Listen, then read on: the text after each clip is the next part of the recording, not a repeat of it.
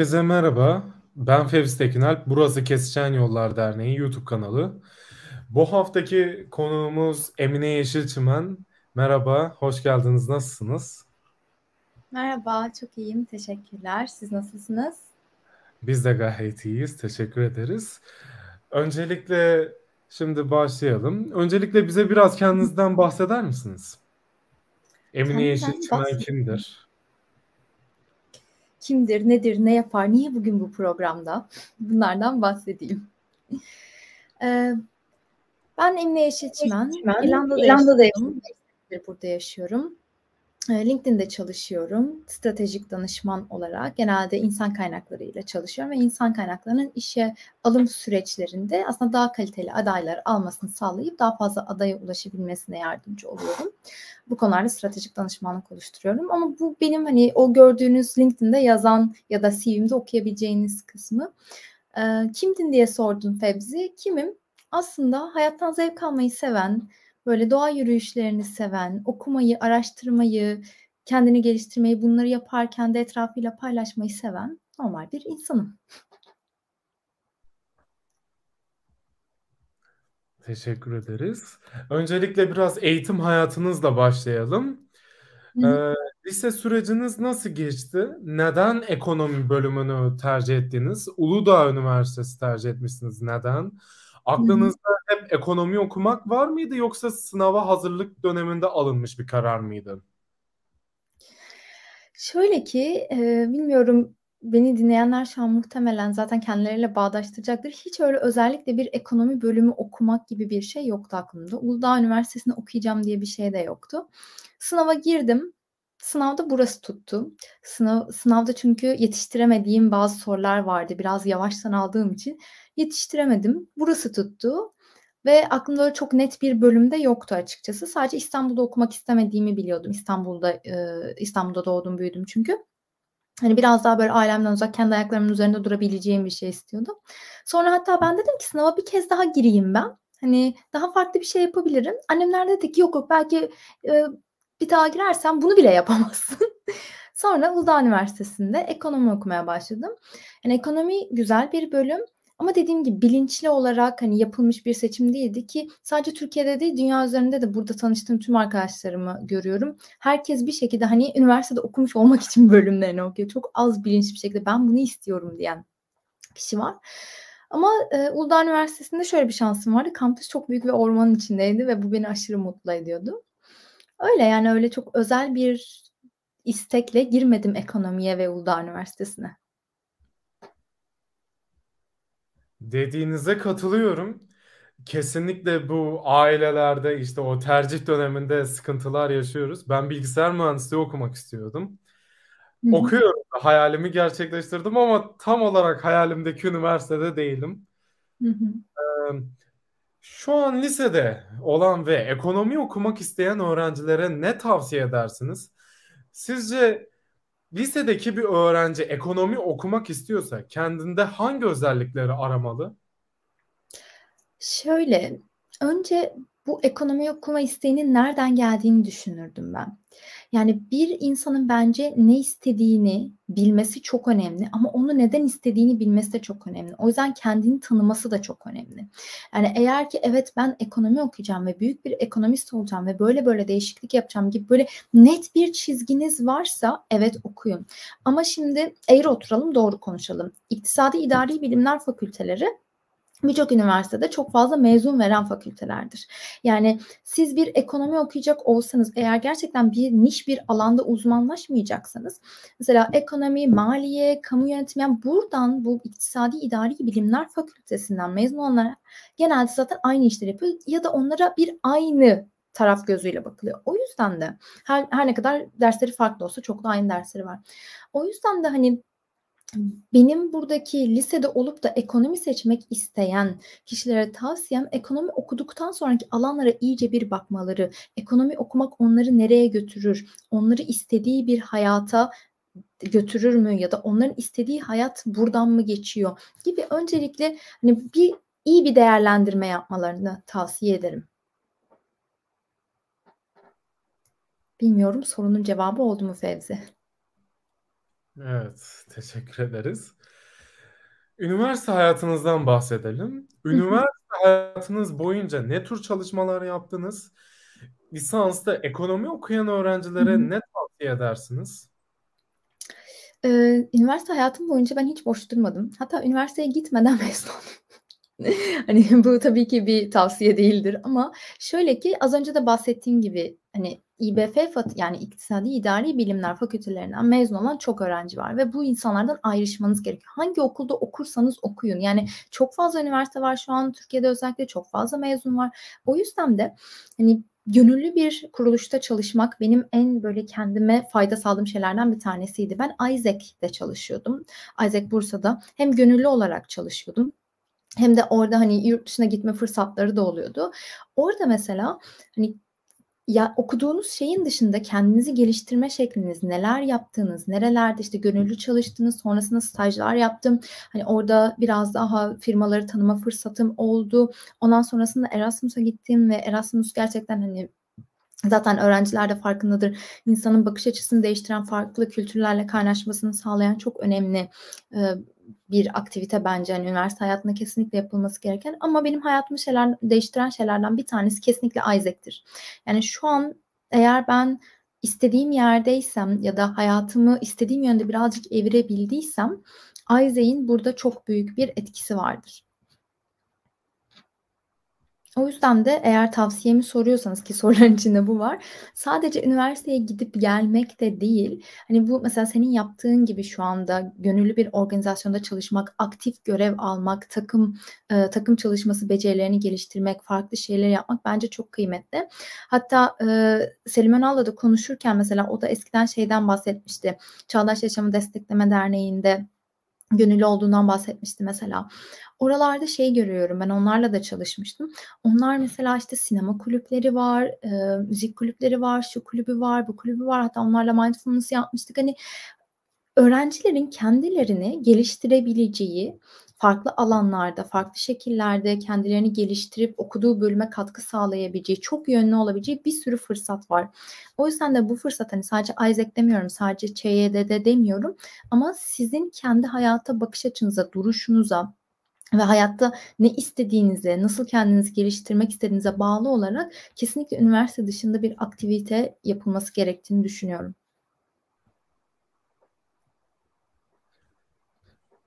Evet, teşekkür ederiz. Yorumlardan bir sorumuz var YouTube'da. Suudem Kaya sormuş.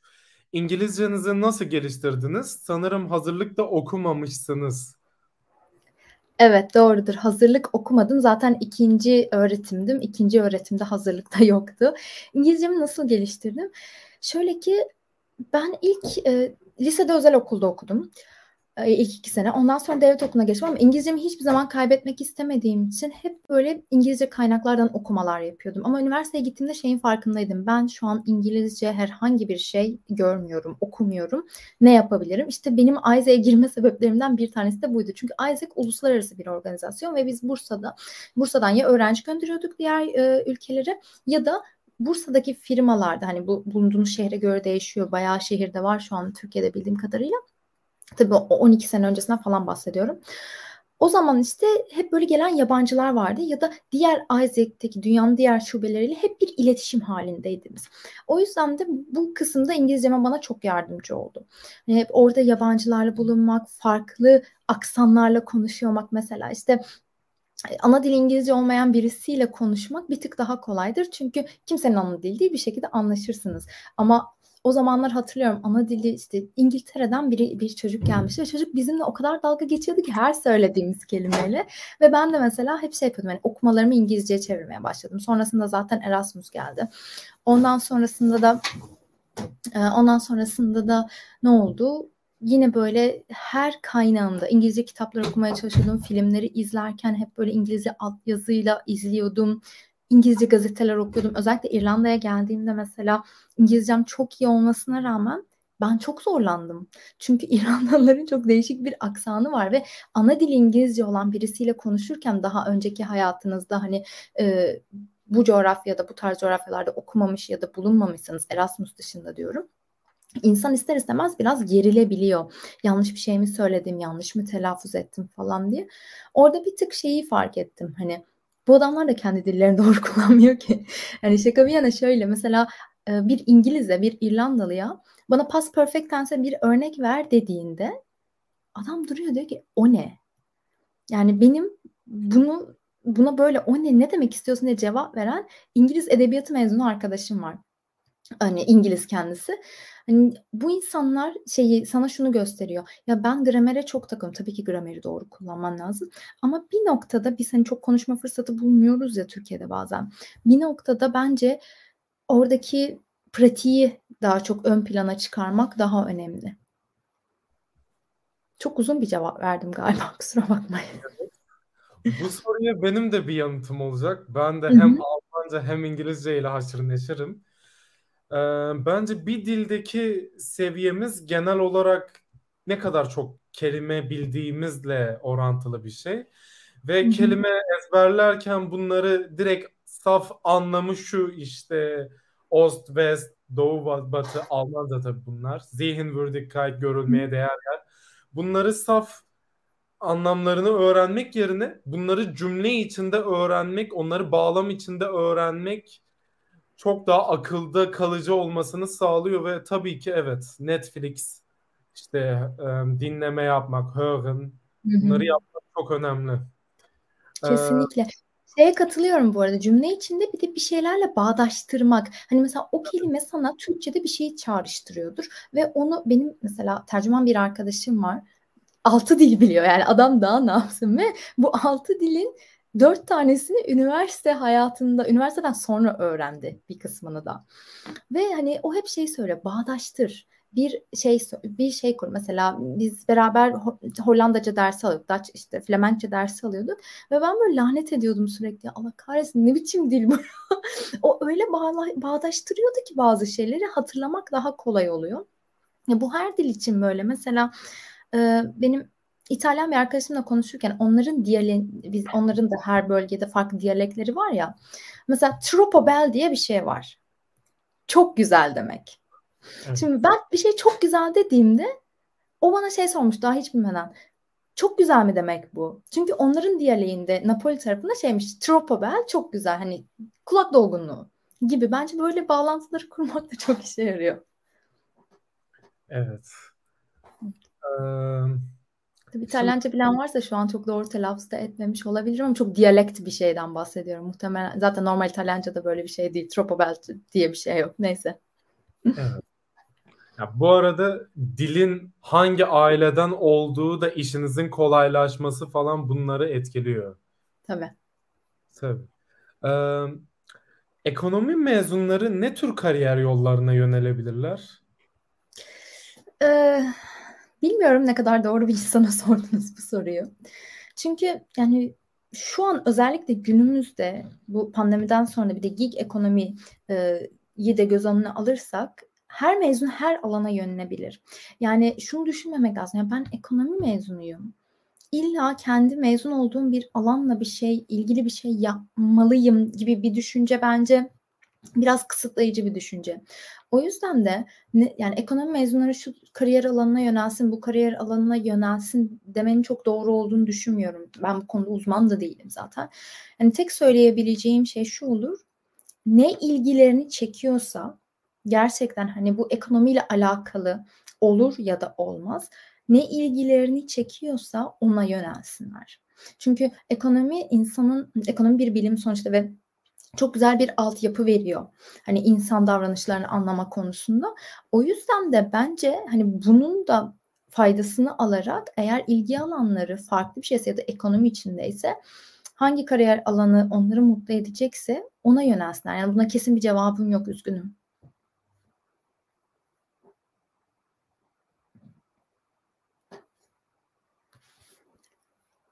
Seni duyabildiğimden emin değilim Fevzi. Şu an sesin galiba mute'desin.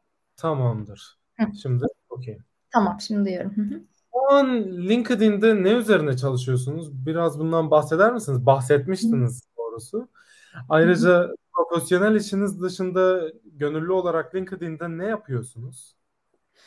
Şöyle LinkedIn'de bizim bir tabirimiz var. Bunu Türkçe'ye çevirince çok e, mantıklı olmuyor. Customer Success Manager. Bu en başta da bahsetmiştim ya Türkiye'de yetenek çözümleri ürünümüz var. LinkedIn'in farklı ürünleri var. Ben yetenek çözümleri tarafındayım. Türkiye'deki enterprise firmalar dediğimiz büyük firmaların daha çok insan kaynakları ile beraber çalışıp onlara bir strateji belirliyoruz. Çünkü insan kaynaklarının belli hedefleri var değil mi? İşte belli bir profil işi almaları gerekiyor, belli bir sayıda işe alım yapmaları gerekiyor gibi gibi ve bu hedeflerine ulaşmak için de kullandıkları platformlardan bir tanesi LinkedIn. Ben de bu platformu nasıl en doğru şekilde kullanırlar ve nasıl kendi insan kaynakları hedeflerine ulaşırlar. Ulaşma konusunda işte bunun içerisinde işveren markası da var. Bizim o sizin LinkedIn dışında gördüğünüz sadece HR'ların erişebildiği bir ürün e, paneli var. O panelin kullanımı, işveren markasındaki bu şeylerin verilmek istenen mesajın ya da oradaki LinkedIn'e girdiğinizde firmaların şeyini görürsünüz. Life page diye bir hayat sayfası Türkçesi de bir sayfa vardır. Oradaki işte içeriklerin paylaşılması bunlar konusunda danışmanlık veriyorum. Bir de bir soru daha vardı galiba. Bu arada bu danışmanlığı da Türkiye, Kıbrıs, Malta e, ve Yunanistan'daki firmalarda veriyorum. Hani bu bütün bu ülkelerdeki firmalarda. E, ayrıca profesyonel işiniz dışında gönüllü olarak LinkedIn'de neler yapıyorsunuz? Şimdi buradaki sevdiğim firmaların, bundan önceki firmamda da böyleydi esepti. Hani çalıştığınız işin dışında ilgi alanınız olan bir şeyin hani değer katmak istediğiniz ya da katacağınızı düşündüğünüz bir konuda mutlaka böyle ekstra projeler alabiliyorsunuz. Ve benim zaten freelance olarak LinkedIn dışında da yaptığım, içinde de yaptığım bir mindfulness eğitmenliği ve koçluğu durumu var. Hatta şu son zamanlarda şöyle bir şeyle karşılaştım. Artık bana normal müşterilerimin hani toplantı taleplerinden çok mindfulness e, workshopları, atölye talepleri geliyor. Şirket içinde de takımlarda daha çok hani böyle farkındalık çalışmaları, bunlarla alakalı workshoplar, günlük tutmayla alakalı, meditasyonlarla alakalı ya da gündelik hayatımızda farkındalığımızı nasıl arttırırız, stresimizi nasıl azaltırız gibi eğitimler veriyorum. Stratejik danışmanlık tam olarak ne oluyor? Biraz söylemiştiniz. Bunu biraz Hı-hı. daha mısınız? Tabii. Yani şimdi şöyle diyelim.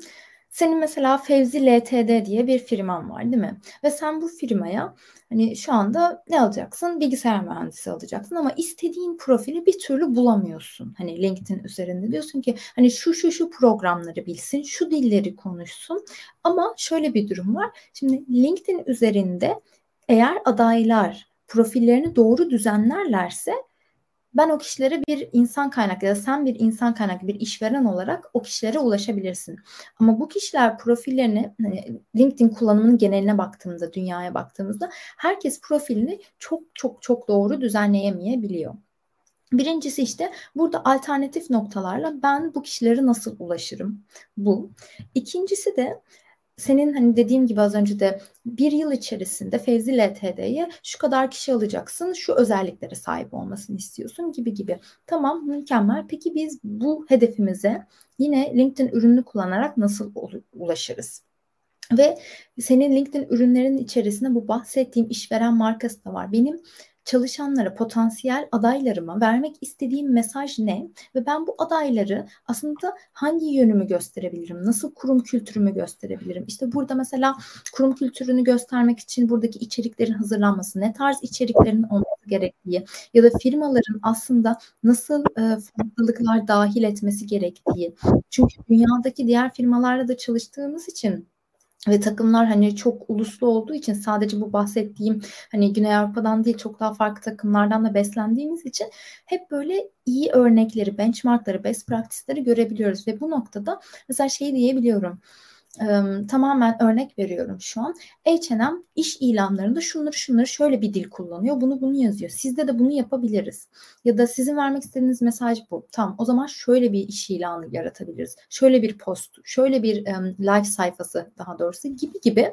Daha çok işte böyle hedeflerine ulaşmak için hem LinkedIn'in sosyal medya tarafını nasıl kullanacağı hem de bu bahsettiğim hani sadece HR'lara özel bir platform var. O platform üzerinden nasıl iyi bir şekilde verim alınacağına dair bir danışmanlık bu.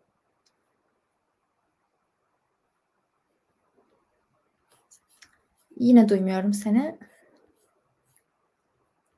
Çok özür dilerim. Olsun açmayı unutuyorum.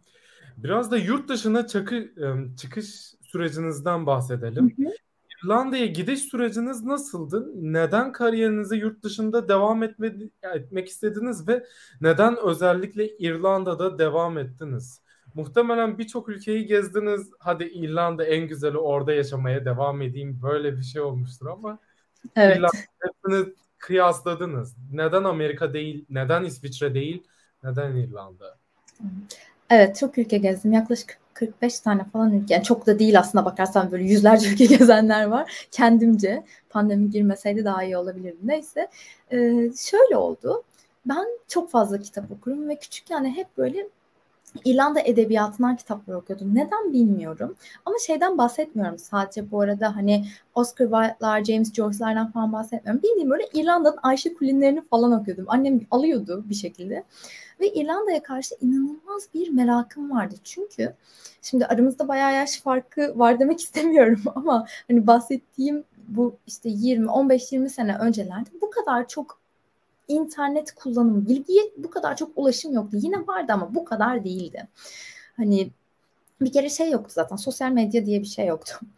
O yüzden de şeyler konusunda mesela Fransa'dır, Almanya'dır, İngiltere'dir bunlarla ilgili çok fazla bilgi vardı belki ortada ama İrlanda bir tık daha böyle Pandora'nın kutusu gibiydi benim için. Çünkü daha kendi halinde bir ülkeydi. Ve ben hep merak ediyordum işte İrlanda nasıl bir Hep gözümde farklı şeyler canlanıyordu. Sonra ben Türkiye'de çalışırken e, Türkiye'de ne zamandı? 2005'i 2000 ay pardon 2015'i 2016'ya bağlayan seneydi. Buraya e, yılbaşını kutlamak için geldim. Yine böyle hani görmek istediğim ülkelerden biri. Dedim ki daha fazla ertelemeyeyim.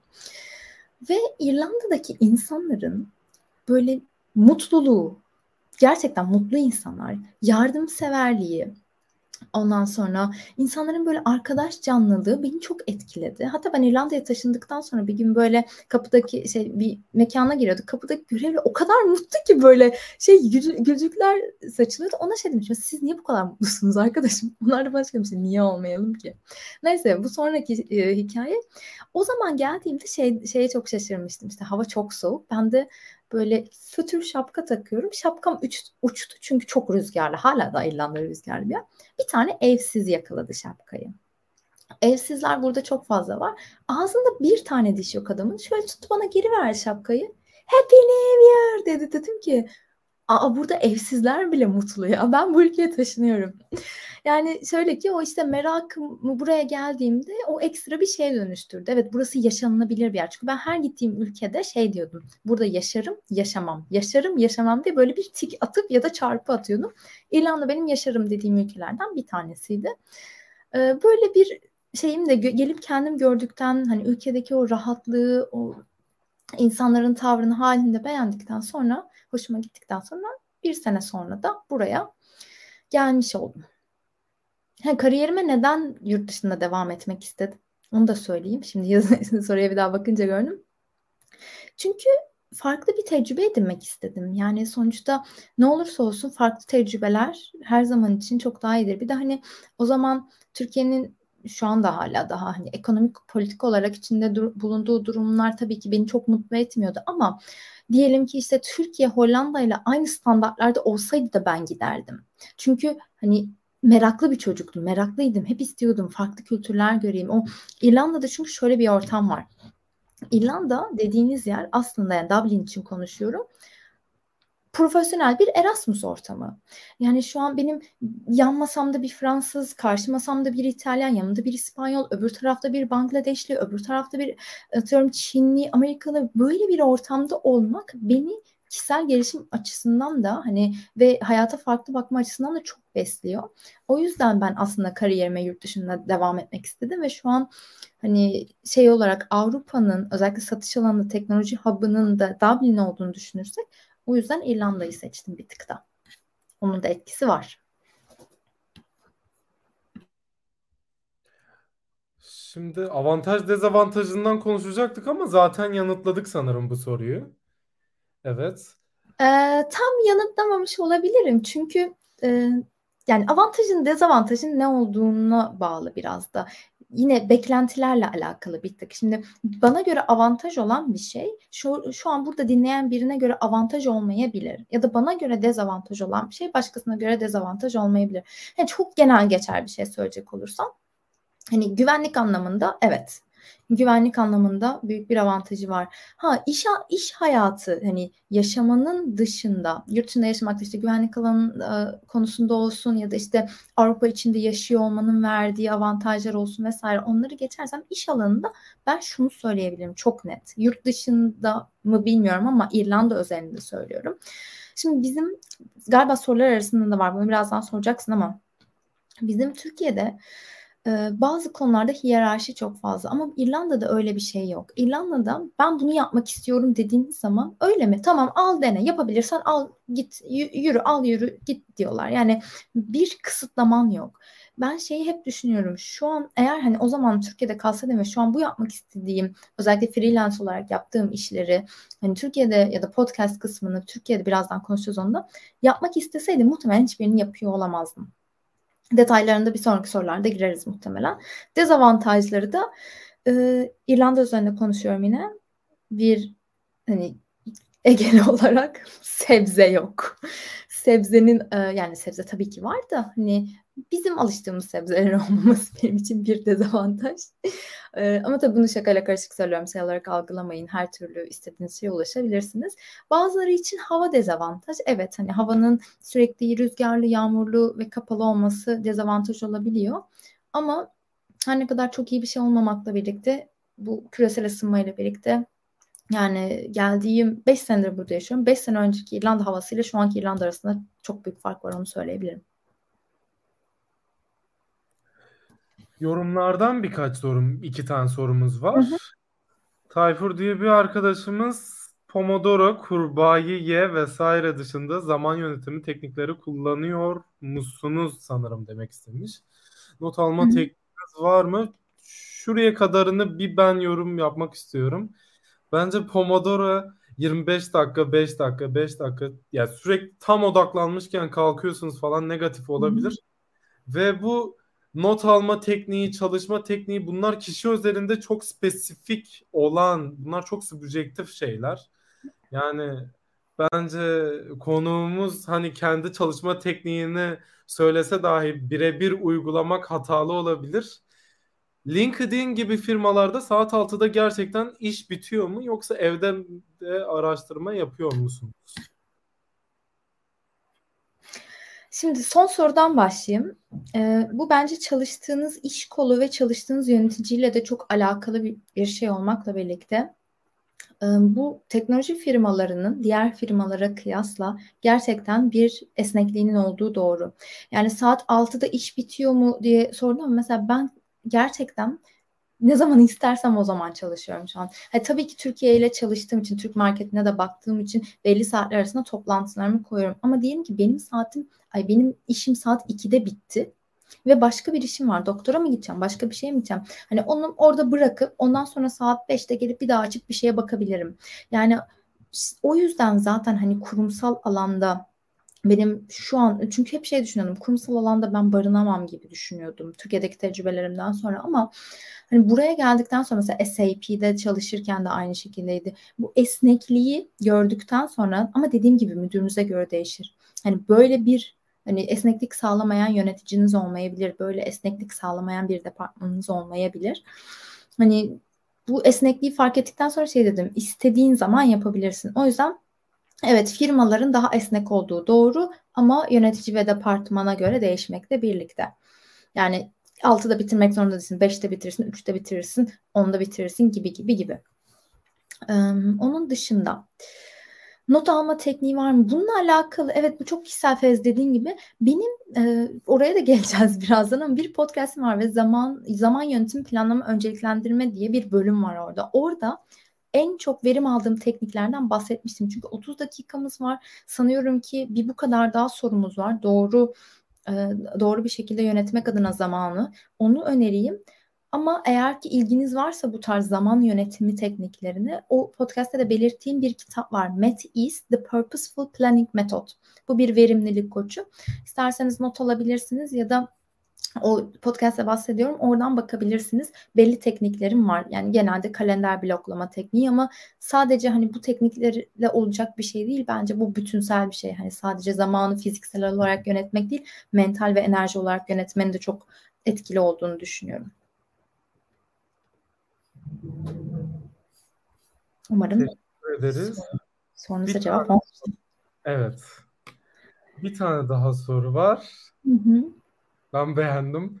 Bir ekonomist fakirse başarılı değil midir ya da şanssız mı? um, buna da bir kitap önerisiyle cevap verebilir miyim ya? Malcolm Gladwell'in Outliers diye bir kitabı var. Benim gerçekten başarıya ve paraya karşı, paradan ziyade daha çok başarıya karşı bakış açımı değiştiren inanılmaz bir kitap. Okuyanlarınız mutlaka vardır. Ama okumayanlarınız varsa tekrarlayayım. Malcolm Gladwell, Outliers. Buna kesinlikle bakın derim. Hatta kendi podcastimin reklamını yapıyormuş gibi olacak ama bunun hakkında da konuşmuştum. Böyle şeylerden konuşuyorum podcast'te. Başarının 50 tonu diye bir bölüm var. Oradan da bakabilirsiniz. Yani bence başarı çok subjektif bir şey. Yani başarı senin aslında başarıyı nasıl algıladığına bağlıdır. Ama biz toplumun bize dayattığı başarı kriterlerine o kadar odaklanmış durumdayız ki. O yüzden de kendimizi başarılı atledemeyeceğimiz şeyler var. Yani sen eğer kendini para kazanmak anlamında başarılı görmek istiyorsan ya da senin başarı kavramına yaklaşımın bir para kazanmaksa ekonomist olarak ne kadar çok para kazanırsam o kadarsa o, o tamamen senin algılama biçimindir diye düşünüyorum. Ama eğer sen başarıyı hayatındaki mutluluk olarak görüyorsan ya da ufak böyle tatminlikler olarak görüyorsan ya da mesela olmak istediğim yerdeyim, yapmak istediğim şeyi yapıyorum gibi şeyleri yapabilmek olarak görüyorsan o çok daha farklıdır. O yüzden de bir de hani ekonomist olanlar illa zengin olacak diye bir şey bence kesinlikle yok. Mesela benim çok yakın arkadaşlarımdan bir tanesi o az önce bahsettiğim İngiliz dili edebiyatı mezunu ve adamın aklı o kadar basıyor ki ekonomiye. Ben ekonomi mezunuyum. Durup mesela ona bazen şey diyorum. Bana bunu anlatsana. O yüzden bazı kavramlara çok fazla anlam yüklüyoruz gibi geliyor bana. Ama şanssız olma ihtimali de çok yüksek. Şans çünkü başarıdaki en büyük faktörlerden bir tanesi bence. Teşekkür ederiz. Kariyerinize geri dönelim. Hı hı. Kariyeriniz boyunca büyük şirketlerde çalıştınız. SAP gibi. Bu tarz şirketlerde çalışmak için ne tür yetkinliklere sahip olmak gerekiyor? Şimdi yetkinliği nasıl algıladığınıza bağlı diye ona da böyle ikircikli bir cevap veriyormuşum. Şöyle ben ilk iş hayatım yani ilk stajları stajlarımı yaparken stajlarım Isaac'teki kontaklarımın sayesinde ama bu kontak hani beni aldı oraya koydu değil. Hani orada sizin bir kontağınız olur ve siz gerçekten kendinizi göstermek zorundasınız. Çünkü hala da şöyle bir şey var. Mesela ilk iş deneyimim benim Shell'deydi. Beni arkadaşım refer ettikten sonra bana dedi ki İngilizce sınavı var, matematik sınavı var, mantık sınavı var. Bu sınavları geçmezsen, geçemezsen CEO'da gelse seni hiçbir şekilde işe alamayız. ben böyle hani mezun olduktan sonra köpek gibi oturup matematik falan çalıştım ya da işte böyle mantık sınavı mesela onlar zor gibi geometri vardı ve şey veriyorlar böyle 40 soru 20 dakika gibi. Bu tarz hani bilmiyorum ne kadar doğru. Çok fazla başvuran olduğu için böyle bir şey yapıyorlar ama yetkinliklere sahip olmak gerekiyor dedi. Bence kesinlikle bu işte üniversite boyunca yaptığınız, kendinizi geliştirdiğiniz şeyler bunlar bir yetkinliktir. Çünkü doğru bir iletişim, farklı açılardan bakabilmenizi katıyor bunlar size. Bir takım takımda e, verimli çalışabilmenizi katıyor. Yani sonuçta bir işveren neye bakıyor? Evet sen iyi bir okuldan mezunsun, dilin var, İngilizcen var, ikinci bir dilin var. Ama sen günün sonunda bana ne fayda sağlayacaksın? Ya da ben bu firmada çalışırsam evet benim bütüne katkım ne olacak? Benim o yüzden de bence bakış açınızı genişletecek her şey, hani sizi biraz daha dünya insanı yapacak her şey, hani bir şeye olan merakınız. Bence hani şirketler bu eleştirel düşünce kısmını bazıları sever, bazıları sevmez. Yeni nesil şirketler sever ve bence hani e, buradaki dinleyicilerin de bir tık daha yönelmesi gereken şirketlerin olmaması gerektiğini düşünüyorum. Hani kuşağı göz önüne alarak. O yüzden de bir şeyi eleştirel düşünce ve merakla yaklaşıyor olabilmek bence çok kıymetli. Çünkü bu sizin yaptığınız işin kalitesini de arttırıyor. O yüzden hani illa böyle yetkinlik şu dili bilsin, şu programı bilsin, şöyle yapsın değil. Kişilik bazında, karakter bazında sizi bir gün öncekinden daha iyi insan, sizin potansiyelinizi daha çok açığa, açığa çıkartabilecek şeyler, neler yapıyorsanız bunlar, yetkinlikler bunlar olmalı bence. Ha, bunu da neden söylüyorum bu arada? Fevzi sen araya girmeden tekrar söyleyeyim. Şimdi Türkiye'deki şirketlere girerken evet işte biraz daha şeyler bakılıyordu. Hala da bakılıyor. İnsan kaynakları çalıştığım için biliyorum. Bu her dünyanın her yerinde de bakılır bu arada. Hani okuldur, bölümdür vesaire vesaire ama belli bir noktada uzmanlaştıktan sonra belli bir yerde artık hani e, birkaç sene çalıştıktan sonra şu yetkinliklere bakıyorlar. Sen evet yet, bu konuda tecrüben var mı? Evet tecrüben var. Peki Mesela SAP'nin üstüne durdun. SAP şöyle iş alıyor. En azından buradaki SAP İrlanda için konuşuyorum. Bu işi tabii ki de arka planının, background'un uygun olması gerekiyor, tecrüben olması gerekiyor ama onun dışında senin potansiyeline bakıyorlar. Yani ben bu insanı alırsam sadece bu pozisyon için değil, başka pozisyonlarda da değerlendirebilir miyim? Yani maksimum şekilde hem ona hem kendime fayda sağlayabilir miyim? Potansiyeline bakıyorlar aslında. O yüzden de hani senin kendi potansiyelinin farkında olman da çok önemli bir şey. Mesela Hani o yüzden diyorum bir şeyi düşünme yetkinliği, düşünme zamanını doğru kullanma ya da işte kendinin farkında olma bunlar çok önemli şeyler. Çünkü mülakatlarda soft skill kısmı vardır ve soft skill'de aslında o enerjiyi verirsiniz. Kendinizden bir şeyler katacağınızı gösterirsiniz. Bilmiyorum yine cevap oldu mu çok mu havada kaldı. Ama böyle çok net net örneklerim yok hiçbirine. Çünkü hiçbir zaman öyle çok net örneklere tutunan bir insan olmadım ben de. Teşekkür ederiz. Ben de kesinlikle öyle düşünüyorum. Yani insanlar hep genelde hard skills'e bakıyor işte böyle. Şu yeterliğim var, bu yeterliğim var, şunu var, bunu var. Ama işin en temeldeki felsefesini kaçıranlar olduğuna inanıyorum. Yani o soft skills e, soft skills de çok önemli. E, işte atıyorum iletişim yetenekleri, ekip çalışması, liderlik özellikleri, pozitif yaklaşım, problem çözme Bunlar da tabii ki çok önemli. Ee, demin değindik ama şimdi tekrar bir tane daha soru var bununla alakalı. Hı. Bu tarz şirketlerde çalışmak için Türkiye'de okuduğunuz okul ne derecede önemli? Siz ya ben Evet, ben bu soruyu gördüğümde de yani çok değişik duygular uyandırdı bende bu soruyu ilk gördüğümde de. Ee, yine yani şöyle şu doğru bir şey. Gerçekten de okula göre ayrım var. Yani sonuçta Türkiye'de ne var? Beş büyükler var değil mi? Hani on büyük her neyse. Ve nitelikli eleman alımı için evet buna bakılıyor mu? Bakılıyor.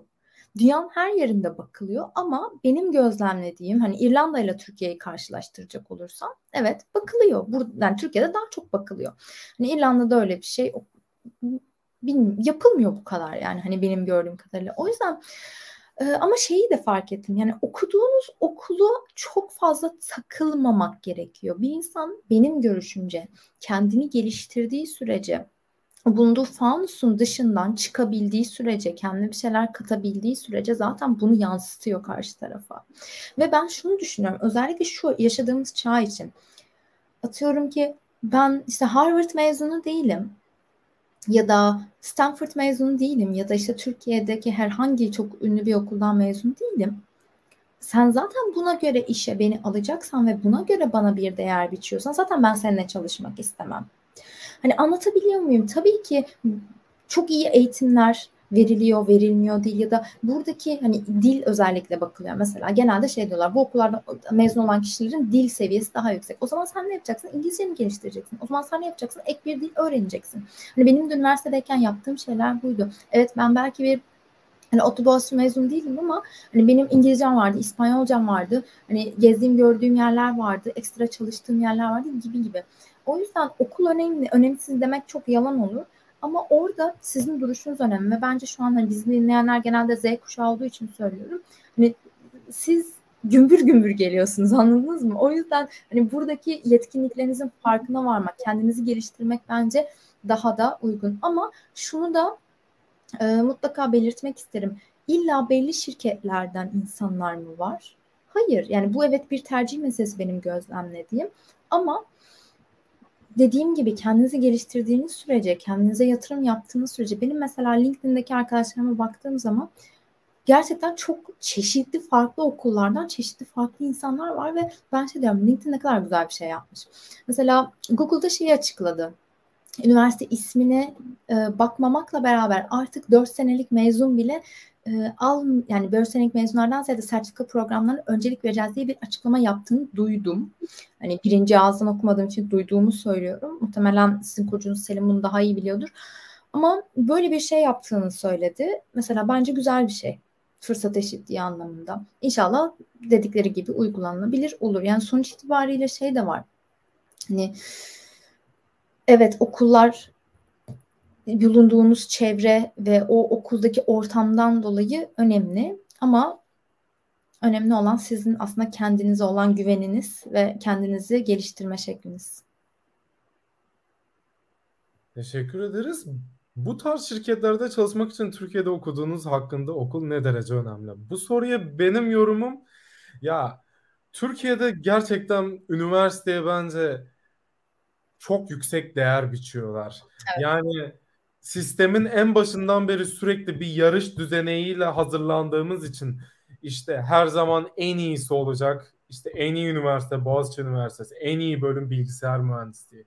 Sürekli işte puanlar var, sıralamalar var. Aslında bence kendimize bu bu yönden zarar verebiliyoruz. Kesinlikle. Evet, ben böyle düşünüyorum. Ee, bundan sonra bir sonraki... Burada bir, bir şey söyleyebilir miyim burada? Mesela e, bir tane heykeltıraş vardır. Çok ünlü bir, yani çok, çok bilindik bir artisti, aşırı ünlü bir insan değil ama muhteşem çalışmaları olan bir insan. Netflix'te de e, şeyi var. Netflix'te de belgesi var. Sukalski. Mesela Sukarski şunu söylüyor. Zaten eğitim sistemini diyor ki bütün okulları yakın. Zaten eğitim sistemi tek tip öğrenci yetiştiriyor. Farklılıklara açık değil. Zaten hani o eğitim sistemlerine karşı hatta gittiği okullardan bir tanesine de bu onun kafa yapısına eğitim kafa yapısına uygun bir eğitim vermedikleri ve onlara böyle ezbere bir şey öğretmek istedikleri için de Sukalski diyor ki ben burada okumam deyip çıkıp gidiyor adam mesela burs aldığı okulu bırakıp ve şunu söylüyor siz yeteneğinizi baş parmağınızdan emeceksiniz. Yani sizin aslında elinizde olan her şey sizin kendi benliğiniz, zekanızı baş parmağınızdan, zekanızı, yeteneğinizi baş parmağınızdan emeceksiniz. Dediğim gibi hani okullar bize öyle bir tek düzeye öyle bir ezberci sisteme yönlendiriyor ki ve ben hani bu sistemin içerisinde zaten hani o başarı kriterini yine az önce başarıyla ilgili bir soru gelmişti ya böyle bir sistemin içerisinde zaten neye göre kime göre başarılısın? Başarı o yüzden çok subjektif bir şey. Ve hani şu an mesela Elon Musk çocukları için adam okul kurdurdu. Dedi ki ben şu an mevcutta olan Hani mevcut olan düzende bu eğitimi beğenmiyorum ki eğitim konuşacak olursak 15 dakikamız kaldı. Çok da şey vaktini harcamak istemiyorum ama hani eğitimi tartışacak olursak zaten Türkiye üzerinde konuşmam burada. Dünyanın birçok ülkesinde böyle bu eğitim kısmı. Zaten sen, sana ne öğretmek istiyorlarsa onu veriyorlar. Zaten hani yeteneğine göre bu İskandinav ülkeleri dışında ki onlarda bile yüzde yüz değil yeteneğine, ilgi alanına neyi yapıp neyi yapamayacağına göre bir eğitim almıyorsun ki zaten. Ya şey gibi Einstein diyor ya bir e, bir balığı bir balığın zekasını, zekası mı yeteneğini mi ağaca tırmanmakla sınarsanız o balık hayatı boyunca kendini yeteneksiz, gerizekalı hissedecek. Öyle. Yani bir balığı ağaca tırmanmakla sınamamanız gerekir. O yüzden de hani bu tarz bence çok tartışmaya açık ve subjektif şeyler. Teşekkür ederiz. Evet. Biraz aslında bize sadece siyah kalem veriyorlar, siyah beyaz. Ama bizden bir gökkuşağı çizmemizi istiyorlar. Kesinlikle. Evet. Çok güzel söyledin. Çok güzel söyledin. Doğru. Bu arada hani eğitim konusunu merak eden arkadaşlar için eğitimin evrim sürecini okumalarını tavsiye ediyorum. Ee, bir sonraki sorumuz ise e, bir çalışan hangi durumlarda iş değiştirmeye karar vermeli? Sizin şu ana kadar yaptığınız değişiklerde sebepleriniz neydi? Ben şöyle düşünüyorum. Yani gelişemediğini hissedersen hani bir şeyin senden getirisi götürüsü bunun hesabını iyi yapmak gerek ve gelişemediğini hissedersen bırak. Bırak. Ya ben öyle her... Siz ne düşünüyorsunuz? Kesinlikle. Kesinlikle. Birincisi bu. Birincisi artık hani benim o noktada gelişme alanım yok diye düşünüyorsam ben burada artık hani alacağımı aldım, vereceğimi verdim. Bir noktada daha kendimi geliştirmek istiyorum ya da burada istediğim yerde değilim. Birincisi bu. İkincisi insanlar hani şey sözü var ya insanlar şirketleri değil yöneticileri terk eder. Ben buna çok inanıyorum. Yani sadece e, şey olduğu için ya evet yönetici büyük resme bakacak olursanız şu da çok önemli. Doğru bir firmada olduğunuzu düşünüyorsanız o yöneticiyi değiştirme ya da o işinizi aynı firma için rolünü değiştirme de gerekiyor. Çünkü bir yönetici sizi yukarıda çıkabilir, aşağıya da indirebilir. Hani ben mesela e, SAP'deki işimde her şekilde insanla çalıştım. Hani böyle işe lanet ederek gittiğim yöneticilerim de vardı ama iş, işten dolayıdan ziyade hani böyle yöneticiden ziyade on, ama oradan çıkmadan önce öyle bir yöneticim vardı ki Fevzi böyle yani kadını herkes anlıyorum. Hayatımda hiç bu kadar mükemmel bir insanla çalışmadım. Hani her anlamda o yönetici arkadaşlık işini çok iyi e, ilişkisini çok iyi kurabilen, sana kendini inanılmaz değerli hissettiren ve sen bunu yapmak istiyorum dediğinde tamam al dene, al senin olsun şöyle böyle. Hani bence gerçekten sizi beslemeyen, sizi geliştirmeyen, sizi size mobbing uygulayan bir yöneticiniz varsa evet o işi değiştirmen, değiştirmeniz gerekir. Yani mesela ben hangi değiştirme sebeplerim nelerdi? Şöyle bir geriye dönecek olsam ben mesela Türkiye'de çalışırken şöyleydi. Yöneticinizin bence vizyonunun yüksek olması da çok önemli bir şey. Bir tane farklı bir işe geçmek istemiştim. Ve hani işi almam neredeyse kesin olmasına rağmen yöneticimin kendi egosu diyelim yüzünden ben, yönetici izninin olması gerekiyor. Beni geçirmedi. Ve benim eğer ki o zaman o işi alsaydım belki İrlanda'ya gelemezdim. Tabii her şeyin bir şeyi vardır. Yani yönetici bence burada en büyük faktör. Ondan sonra neden değiştirdim? İrlanda'ya gelirken ben aslında bir adım geriye atıp hani Türkiye'deki statümü, konumumu, konumuma bir tık daha aşağıdan başlatarak gelmiştim tecrübem. Çünkü şey teknoloji alanında tecrübem olmadığı için tecrübe edinmek istemiştim. Orada işten memnun değildim, çevremden memnun değildim. Yani iş halinden memnun olmadığım için değiştirdim. Şirketin işte yan hakları olsun, ondan sonra çalıştığım insanların hayata bakış açısı, vizyonu olsun gibi gibi ve yaptığım iş olsun. Sonuçta yaptığınız işi zaten her gün lanet ederek yapıyorsanız siz doğru bir yerde değilsiniz. O, o işi bırakın. Direkt bırakın. Tabii ki böyle demesi kolay. Hani ama insan bazı şeyleri sevmediğini görün, ne kadar sevmediğini görünce ne istediğini ya da neyi sevdiğini o zaman daha iyi anlıyor. Bence bu bir tık yani atıyorum belli bir süre evet sevmediğin bir şey yapabilirsin sonuçta o dönem paraya ihtiyacın vardır ya da orada durmak durumundasındır. Benim durumumda mesela bana bir seneden önce çalışma izni çıkartmıyorlardı ilk senemde. Bir sene kalmak zorundaydım gibi gibi. Ondan sonra onun dışında da Vallahi SAP'den hiç ayrılmak istemiyordum. Ben şey diyordum, ben burada emekli olurum, muhteşem de bir müdürüm var diyordum. Ama e, bu da bir örnek olabileceği için size söylüyorum. SAP İrlanda'nın maaşları gerçekten çok çok düşüktü. Ve bir noktada şeyi hani bu kadar senelik bilgi birikimin var, işte şey yapıyorsun, diğer çevrene bakıyorsun, ister istemez bir kıyaslama yapıyorsun vesaire vesaire. O zaman hani yaptığım iş bir tık daha böyle yaratıcılığımı da az kullanabildiğim bir işti ya da ilişkilerimi de az kullanabildiğim işti. Çok güzel bir marketti yine işte İskandinav ülkeleri, Hollanda e, ve Baltık ülkeleri vardı. Neyse hani çok tereddüt ettim. Çünkü mindfulness tarafında da çok fazla beni tatmin eden şey yapıyordum. Çok tereddüt ettim ve müdürüme anlattım. Dedim ki sen de gel beraber geçelim. Sen yine benim orada müdürüm ol. Bu kadar seviyordum ben onu. O da dedi ki ben dedi her şeyin çok farkındayım. Biz de bu yüzden yetenek kaybediyoruz. E sonuçta hmm, genelde dedi yani burada mutlu olduğunu biliyorum. Ben de çok mutluyum seninle çalışmaktan ama sonuçta hayatını da idame ettirmen lazım. Belli bir birikim yapman lazım. Hedeflerin var vesaire. Orası sana buradan çok daha fazla veriyorsa oraya geç dedi ve aslında biraz da maddiydi. Yani özellikle farklı örnekleri verdim ki benim değiştirdiğim durumlar buydu ve bu tarz durumlarda bence değişiklik yapmaktan kaçınılmaması lazım. Teşekkür ederiz. Ben de katılıyorum.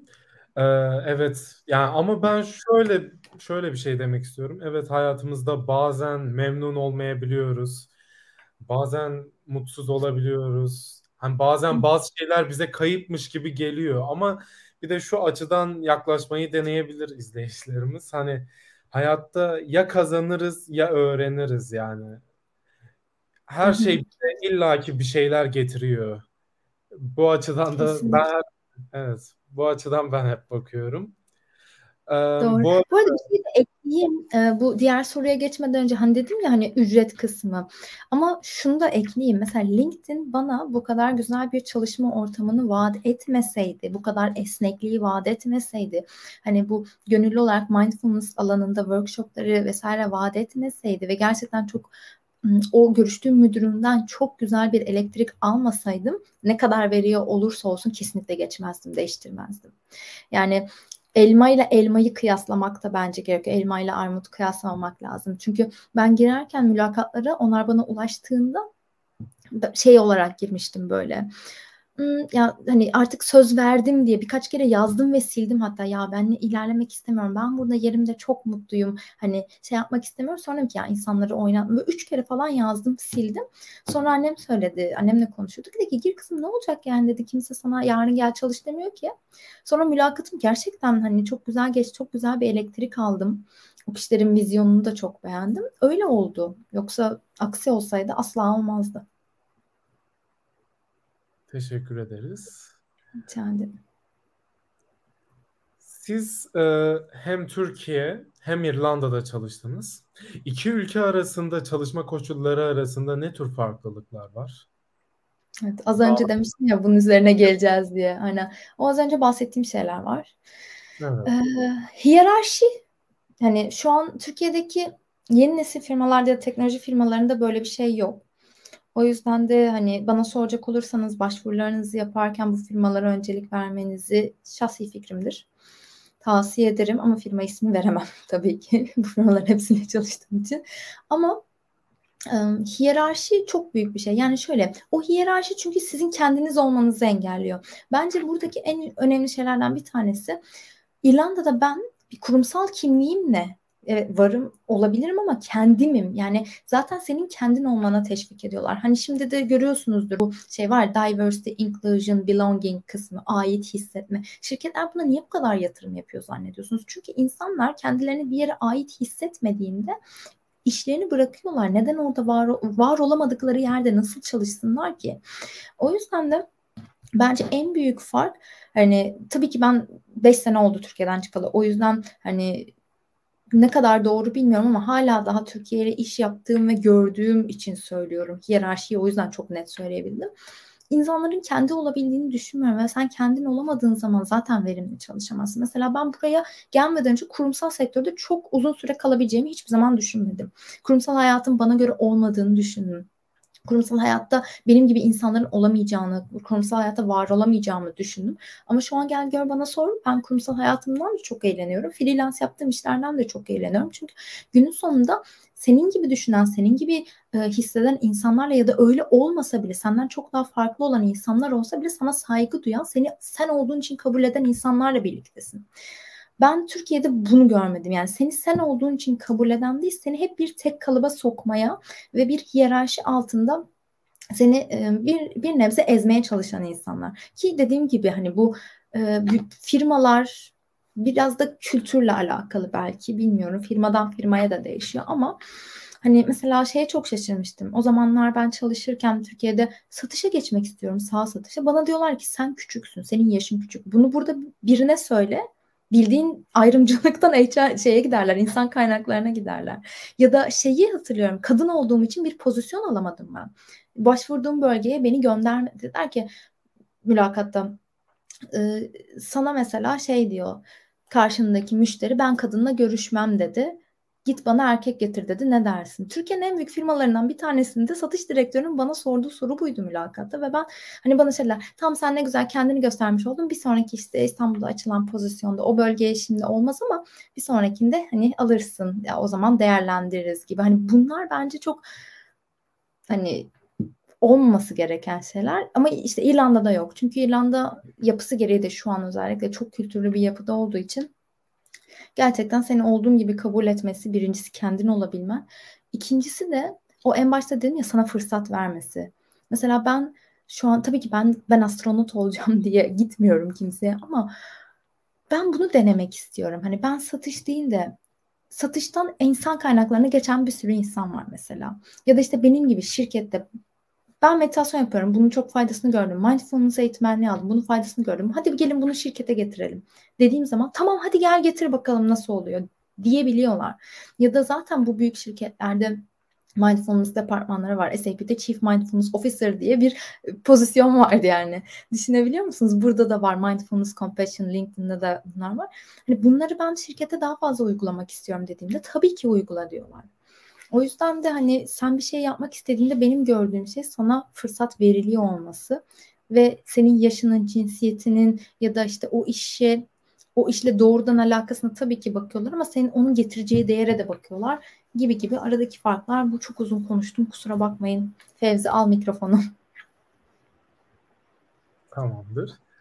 Bu, ben de kesinlikle dikey hiyerarşinin aksine yatay hiyerarşiyi savunuyorum. Bence yatay hiyerarşi daha iyi.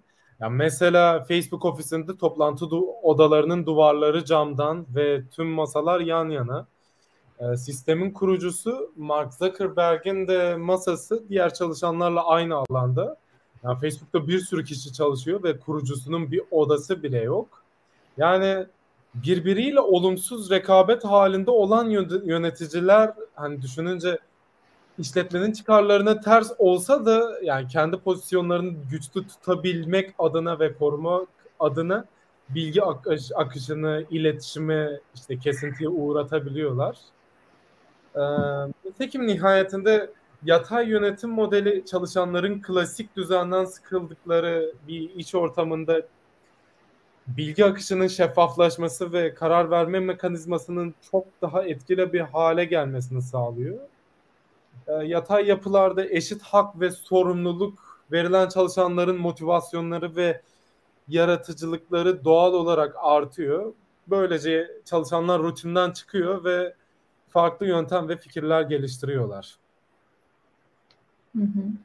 Kesinlikle yani bilmiyorum sonuç itibariyle hepimiz e, günün sonunda benzer şeyleri yapıyoruz. Hepimizin zaten kendine ait bir hayatı var. Hani başlamak istediği bir şey var. Hani o, o konuda hiyerarşi ya da işte sürekli böyle bir kurumsal kimliğe bürünüyor olma, kendinden bir şey katamıyor olma bence çok doğru bir şey değil. Neyse. Konuyu konuşsak çok uzun konuşuruz. Evet. Öğrencilik ve profesyonel hayatınızda ne tür gönüllü projelerde yer aldınız? Ee, bundan bahsetmiştik aslında. Bahsettik, aynen. Bunu geçebiliriz. Ek olarak sadece ÇYD'de de mindfulness eğitmenliği yapmıştım bir süre. Hani bir tek o var. Onun dışında işte Isaac'ten diğerlerinden bahsettim evet. Gelişi Güzel Hayaller adlı bir post, podcast seriniz var. Hı hı. Ee, Gelişi Güzel Hayaller neler yapıyor? Neyi amaçlıyor? Bize biraz bahseder misiniz? Bu arada yayından sonra ben takip etmiyordum. Kesinlikle takip edeceğim artık. Tamam, teşekkür ederim. Yani aslında bir şey söyleyeyim mi Fevzi? Tam da bu konuştuklarımızı anlatmaya çalışıyor gelişi güzel hayaller. Çünkü ben bunun çıkış noktası şöyle oldu. Ben insanların hikayelerinden çok fazla ilham alan birisiyim. Yani dinlemeyi çok severim. Kim neyi nasıl yapmış, farklı yapmış ve şunu fark ettim. Hani sadece işte atıyorum Bill Gates, Steve Jobs gibi hani ya da Jeff Bezos değil. Aslında bizim içimizde hayatını kendi istediği şekilde kuran, hayatında çok mutlu olan işte bu başarı faktörü dedim ya sadece para statü değil. Hani çok fazla insan var. Saklı kahramanlar diyorum onlara. Benim çevremde de ilham aldığım bir sürü insan vardı ve ben dedim ki her Google'a yazdığınızda bulamayacağınız ama hani sizin hayatınıza dokunabilecek, ışık olabilecek, size bir yol gösterebilecek insanları ben aslında bu podcast'e getirmek istiyorum ve böyle önce kendi çevremle başladım. Ondan sonra e, biraz daha böyle takip ettiğim insanlardan başladım, onları aldım ve insanların gerçekten hayatlarında yaptığı şeylere inanamazsın. Hani hep şey söylüyorum. Neyi farklı yaptın? Nasıl yaptın? Böyle tecrübelerinden faydalan. Ama sonra şunu fark ettim. Hani kendim de mindfulness eğitmeni olduğum için dikkatimi direkt burası çekti.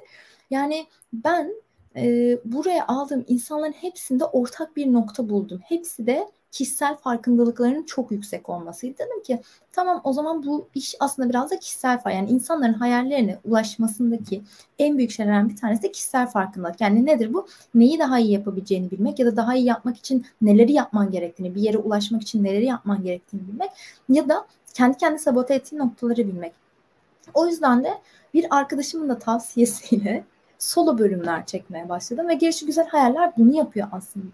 Sizin hayal yani sizin hayalinizde olan ya, hani bir ilişki olur, bir iş olur ya da kendi iç huzurunuz olur, başka bir şey olur, bir ülke iş, iş değiştirmek bu konularda hem örnek olabilecek çok böyle bilinmeyen insanların biraz daha mikrofona gelmesi ve hayatlarından öğrenmek hem de benim kendi eğitimim mindfulness tarafındaki eğitimimden bahsediyorum. Eğitim ve tecrübelerim dahilinde de işte biraz daha böyle kişisel gelişim anlamında, kişisel gelişimden kastım ucuz kişisel gelişim kitapları değil daha böyle felsefe, psikoloji, edebiyat, sosyolojinin hayatımızı aslında nasıl şekillendireceği ve kendi farkındalığımızı nasıl arttırarak istediğimiz noktaya bizi getireceği üzerine konuşmalar. Böyle söyleyebilirim. Ben bu konuda konuşmayı çok seviyorum. O yüzden sen yine mikrofonu al. Yoksa susmayabilirim. Bir saat oldu çünkü. Tamam. Gerçi demişsin bir saat sınırımız yok diye ama olsun. Evet. Ben de hemen podcast'ımdan takibe aldım. Gelişe güzel Teşekkür ederim.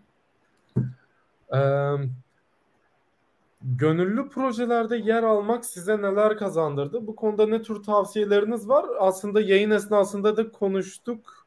Hı hı. Tekrar biraz daha derinden ele alabiliriz. Şöyle ele alabilirim. Birincisi gerçekten bakış açınızı değiştiriyor gönüllü projeler. Yani hayata bakış açınızı, insanlara bakış açınızı özellikle yani şöyle biz her şeyi yargılıyoruz. İster istemez zihnimiz yargılarla çalışıyor ve yargılamak yerine empati yapma konusunda bence gönüllü projeler çok kıymetli. Çünkü farklı insanlarla farklı kültürlerden tanış, e, çalıştığınız için. Mesela ben Isaac'te hatırlıyorum. Şu an benim Isaac'te ve hayatımda en yakın arkadaşlarım olan insanlar. Eğer biz orada aynı projede aynı zorlukları yani aynı projeyi yapıyor olup zorluk yaşamayı gece gündüz beraber böyle bir şeylerin üstesinden gelmemiş olsaydık farklı bir ortamda çalışmış, tanışmış olsaydık. Mesela sınıfta girdiğim bir derste olsaydı ya da ben onların dersinde olsaydım birbirimize arkadaş olmazdık. O yüzden hani birincisi bana hmm, farklı bakış açıları, farklılıkları kabul et, kabullenmek, e, yargılarımdan kurtulmak ve çok güzel arkadaşlıklar kazandırdı. İkincisi de gönüllülük bence hatta bunu Selim'le olan bölümümüzde de konuşmuştuk podcast'te gönüllülük size ne kazandırır diye. Gönüllülük çok büyük bir kişisel tatmin. Çünkü şöyle hayatınızda her şeye sahip olabilirsiniz ama bir noktada zaten insanların en çok aradığı şey de hayat amacı ya da bir anlam değil midir? Bence gönüllü projelerde yer almak o işte sizin anlam arayışınıza gerçekten katkıda bulunuyor. Çünkü günün sonunda ben bireysel olarak kendime istediğim kadar katkı sağlıyor olayım ama bütüne de bir faydamın dokunduğunu hissediyorsam hani bir şeylerin daha iyi işlemesinde bir nebze olsun bir farkım, bir faydam olabiliyorsa o sizin işte kendinizden tatmin olma halinizi arttırır. O yüzden de hani hem kendinizle olan ilişkinizi hem de dünyayla olan ilişkinizi bence çok güzel iyileştiren bir şey. Yani gönüllü kısmında ne olursa olsun bu arada mesela bir ara şeyde bak ondan bahsetmeyi unuttum. Adım adım da koşuyordum mesela ben. Koşmaya başladığımda koşmaya başlamamın tek sebebi bir işe yaramış olmak için bir şey yapmaktı. Bu arada koşmaktan nefret ederdim o zaman. Baktım hani o kadar böyle şeyim ki bir şey yapmam lazım diye hissediyorum. Baktım adım adım diye bir e, organizasyon var. Onun altında da böyle farklı şeyler var. Hmm, farklı NGO'lar var işte. Adım adımla beraber antrenman yapıyorsun, koşu koşuyorsun. İşte maratonlarda koşuyorsun ya da işte yarışlarda koşuyorsun. Bağış topluyorsun ve istediğin derneğe bağışını verebiliyorsun. Bu dernek işte Omurilik Felçlileri Derneği vardı, o zaman Otizm Derneği vardı gibi gibi. Mesela ben bu yüzden koşmaya başladım. Ama hem benim kendi fiziksel mental sağlığıma iyi geldi hem başkalarına iyi geldi. Buraya gelince tabii daha farklı yani adım adımla koşmadım ama gibi gibi. Böyle şeyler. Ha bir de e, şeyi söylemeyi unuttum. Ben İrlanda'ya ilk geldiğimde burada Friends of the Earth diye bir organizasyonda çalışıyordum. O da çevreci bir kuruluş. Sonuçta gönüllülük sizin değer verdiğiniz, sizin kendi öz değerlerinizle de e, el ele giden bir şeydir ya yani sonuçta ben eğer çevreyi umursuyorsam ve değer veriyorsam bunun için bir şey yapmak istiyorum. Bunun için gönüllülük yapabilirim gibi. Oradaki mesela farklılıklar da ve bu dünyanın ekosistemi hakkında kazandığım farkındalıklar da bana çok şey kattı.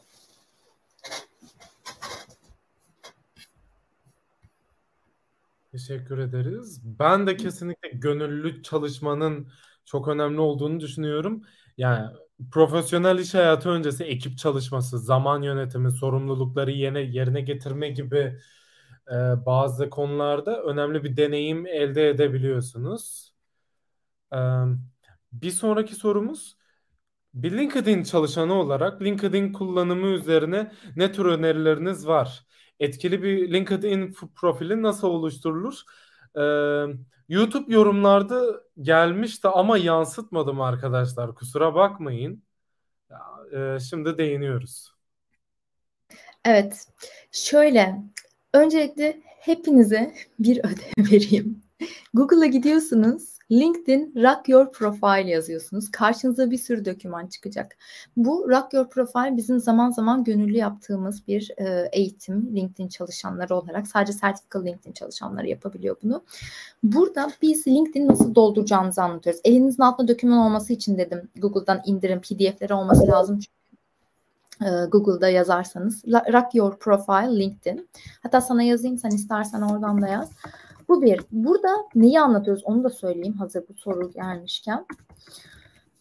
Buradaki anlattığımız şey aslında sizin profilinizin nasıl profesyonel olacak. Fotoğrafınız, fotoğrafınızın profesyonel olması çok önemli. Fotoğraf koymayabilirsiniz de bu arada. Mesela LinkedIn şimdi şey de getirdi hani farklılık ve kapsayıcılık anlamında fotoğrafı kapatarak da insan kaynakları bakabiliyor. Ama tabii ki fotoğrafı olan profiller daha fazla görüntüleniyor. Ama fotoğraf koymak istemiyorum derseniz bu da bence çok okey bir şey. Ee, ama elimizdeki verilere göre fotoğrafınız ve fotoğrafınızın profesyonel olması, o fotoğrafınızın arka planı var ya bir tane banner, orasının dolu olması. Bu headline vardır mesela benimkine bakarsanız şey yazar işte Customer Success Manager, Mindfulness Coach, Podcaster, headline'ınızı düzenlemek, bulunmak istediğiniz keywordleri, anahtar kelimeleri oraya koymanız çok önemli. İşte e, özet kısmı var, summary kısmı. Summary'ye ne yapıyorsunuz? Böyle ne yapmaktan hoşlanıyorsunuz? Başarılarınız sadece özel e, şey profesyonel hayatınız değil, özel hayatınız da yazabilirsiniz. E, dinleyiciler benim profilime bakabilir bu arada LinkedIn üzerinden. Hani orada ben mesela emoji de kullanıyorum. Özel hani özel hayatımdan kastım tabii bütün şey değil ama iş saatleri içinde ne yapıyorum? İş saatleri dışında ne yapıyorum? Çünkü bunlar önemli. Karşı tarafta sizinle aynı ilgisi olan, sizinle aynı noktada olan bir insan varsa bunlar e, size ulaşan bir insan kaynakları varsa oradaki iletişiminizi güçlendirir. Bir de şeyi çok görüyorum. Mesela orada gönüllü projeler çok yazılmıyor. Gönüllü projelerinizi yazın. Arkadaşlarınız da birbirinizden referans alın. Recommendation diye bir alan var orada. Arkadaşlarınız size yazsın, siz arkadaşlarınıza yazın. Birlikte işte proje yaptığınız arkadaşlarınız, staj yaptığınız yerdeki e, yöneticilerinizden isteyin, peerlerinizden, kendi arkadaş grubunuzdan, staj yaptığınız yerlerdeki isteyin. Bir de bu tecrübelerimizi yazarken biz mesela sadece ünvanımızı yazıp geçiyoruz ya. O değil işte. Çünkü e, insan kaynakları tarafı sizi ararken anahtar kelimelerle buluyor. O yüzden de yaptığınız işe dair önemli olan şeyleri vurgulayın. O işte eğer bilgisayar mühendisleri varsa aramızda kullandığınız, bildiğiniz programları yazın. Dil seviyenizi yazın. Ondan sonra o işte yaptığınız spesifik bir şey varsa bunları yazın. Böyle uzun uzun yazın demiyorum. 2-3 cümle. Çok uzun yazınca da bakılmıyor. Çünkü 2-3 cümlelerle ama ben ne iş yapıyorum? Yaptığım iş yani hangi organizasyon içerisinde neye fayda sağlıyor ve benim buradaki başarım bu kadar. Bunları bence yapmak çok kıymetli. LinkedIn profili için çünkü sizin bulunmanız hani için işveren tarafından doğru bir şekilde profilinizi doldurmanız lazım. Ve yaptığınız işi kısa net olarak iyi bir şekilde özetleyebiliyor olmanız lazım. Evet, konuşmamızın sonuna geldik. Yanıt için çok teşekkür ederiz. Son olarak Türkiye'de yaşayan gençlere genel olarak tavsiyeleriniz nelerdir? Bu gençler hangi kitapları okusunlar, hangi filmleri izlesinler? Sizin tavsiyeler, önerileriniz nelerdir? İlber Ortaylı okuyun. Şaka bir yana İlber Ortaylı'nın Ee, geçenler Bir Ömür Nasıl Yaşanır kitabını okudum. Bir de yeni bir kitabı çıkmış. Bir hayat nasıl yaşanmalı mı? Bir, bir dakika hemen bakıp bir söyleyeyim. Ömür nasıl yaşanır? Bir ömür nasıl yaşanır? Bir de insan geleceğini nasıl kurar? Heh bu. İnsan geleceğini nasıl kurar? Böyle bir kitabı da var. Çok hoşuma gitti. Şimdi bunlar tabii ki hani İlber Ortaylı dedim şaka bir ama çok severim kendisini. Bu kitapları oku bu kitapları ben çok beğendim. Onun dışında bence her e, farklı şekilde mesela felsefe felsefe doğru düşünmeyi insana sunan bir şey. O yüzden bakış açısını değiştiren böyle daha çok felsefe mesela Alain de Batın. Alain de Batın okuyun. Hayat okulu. Hayat okulunun Türkçesi yok gerçi The School of Life ama The School of Life'ın muhteşem bir YouTube kanalı var. Ve Alain de Botton'ın bir filozof kendisi, filozof ve yazar. Adam şunu söylüyor. Bize okulda duygusal zekayla ilgili hiçbir şey öğretmiyorlar. Mesela birisi tarafından reddedildiğimizde o duygusal e, travmayla nasıl başa çıkacağımız bize öğretilmiyor. Zamanımızı nasıl yöneteceğimiz öğretilmiyor. Şu öğretilmiyor, bu öğretilmiyor. Ve buna yönelik böyle gerçekten de hem duygusal zeka ile alakalı hem de hayat hayatın içindeki aslında başa çıkmamız gereken şeylerle çok güzel e, örnekler veriyor. O yüzden Alain de Batın okuyun derim. Ya da The School of Life'ı takip edin YouTube'dan. Onun dışında kesinlikle edebiyatı çok sevdiğim için ama herkesin edebiyat şeyi çok farklı. O yüzden bir şey diyemeyeceğim. Hani Fransız edebiyatı, İngiliz edebiyatı spesifik kitap söylemem gerekir mi bilmiyorum. Ya da onun dışında mesela başka bir şey söyleyeyim. Parfümün Dansı bu kitap. Ee, Eric Fromm kitaplarını çok severim. Kesinlikle kafa açan kişilerden bir tanesidir. Bu şeyler var ya şimdi kişisel gelişim kitapları ama kişisel gelişim olarak e, güzel noktalara değinen kitaplar. Şeylerde Hedeway app'te falan çıkıyor işte 80'e 20 kuralı, işte zengin baba, fakir baba eğer çok hani böyle şeylere ilginiz varsa. Ama onun dışında bence psikoloji kitaplarının da çok büyük bir önemi var. Çünkü için kafamızın içindeki zihnin nasıl çalıştığını bilmemiz çok önemli. Kendimizi regüle edebilmemiz için. O yüzden de ben hani bu genelde felsefe, psikoloji, sosyoloji kitapları okuyorum son zamanlarda. Vakti zamanında çok fazla e, şey okuduğum için, roman okuduğum için bu aralar bir tık daha şey yapıyorum. Hani üç felsefe ya da üç tane non-fiction okuyorsam araya bir tane fiction koyuyorum gibi. Onun dışında neler izlesinler? Belgesel.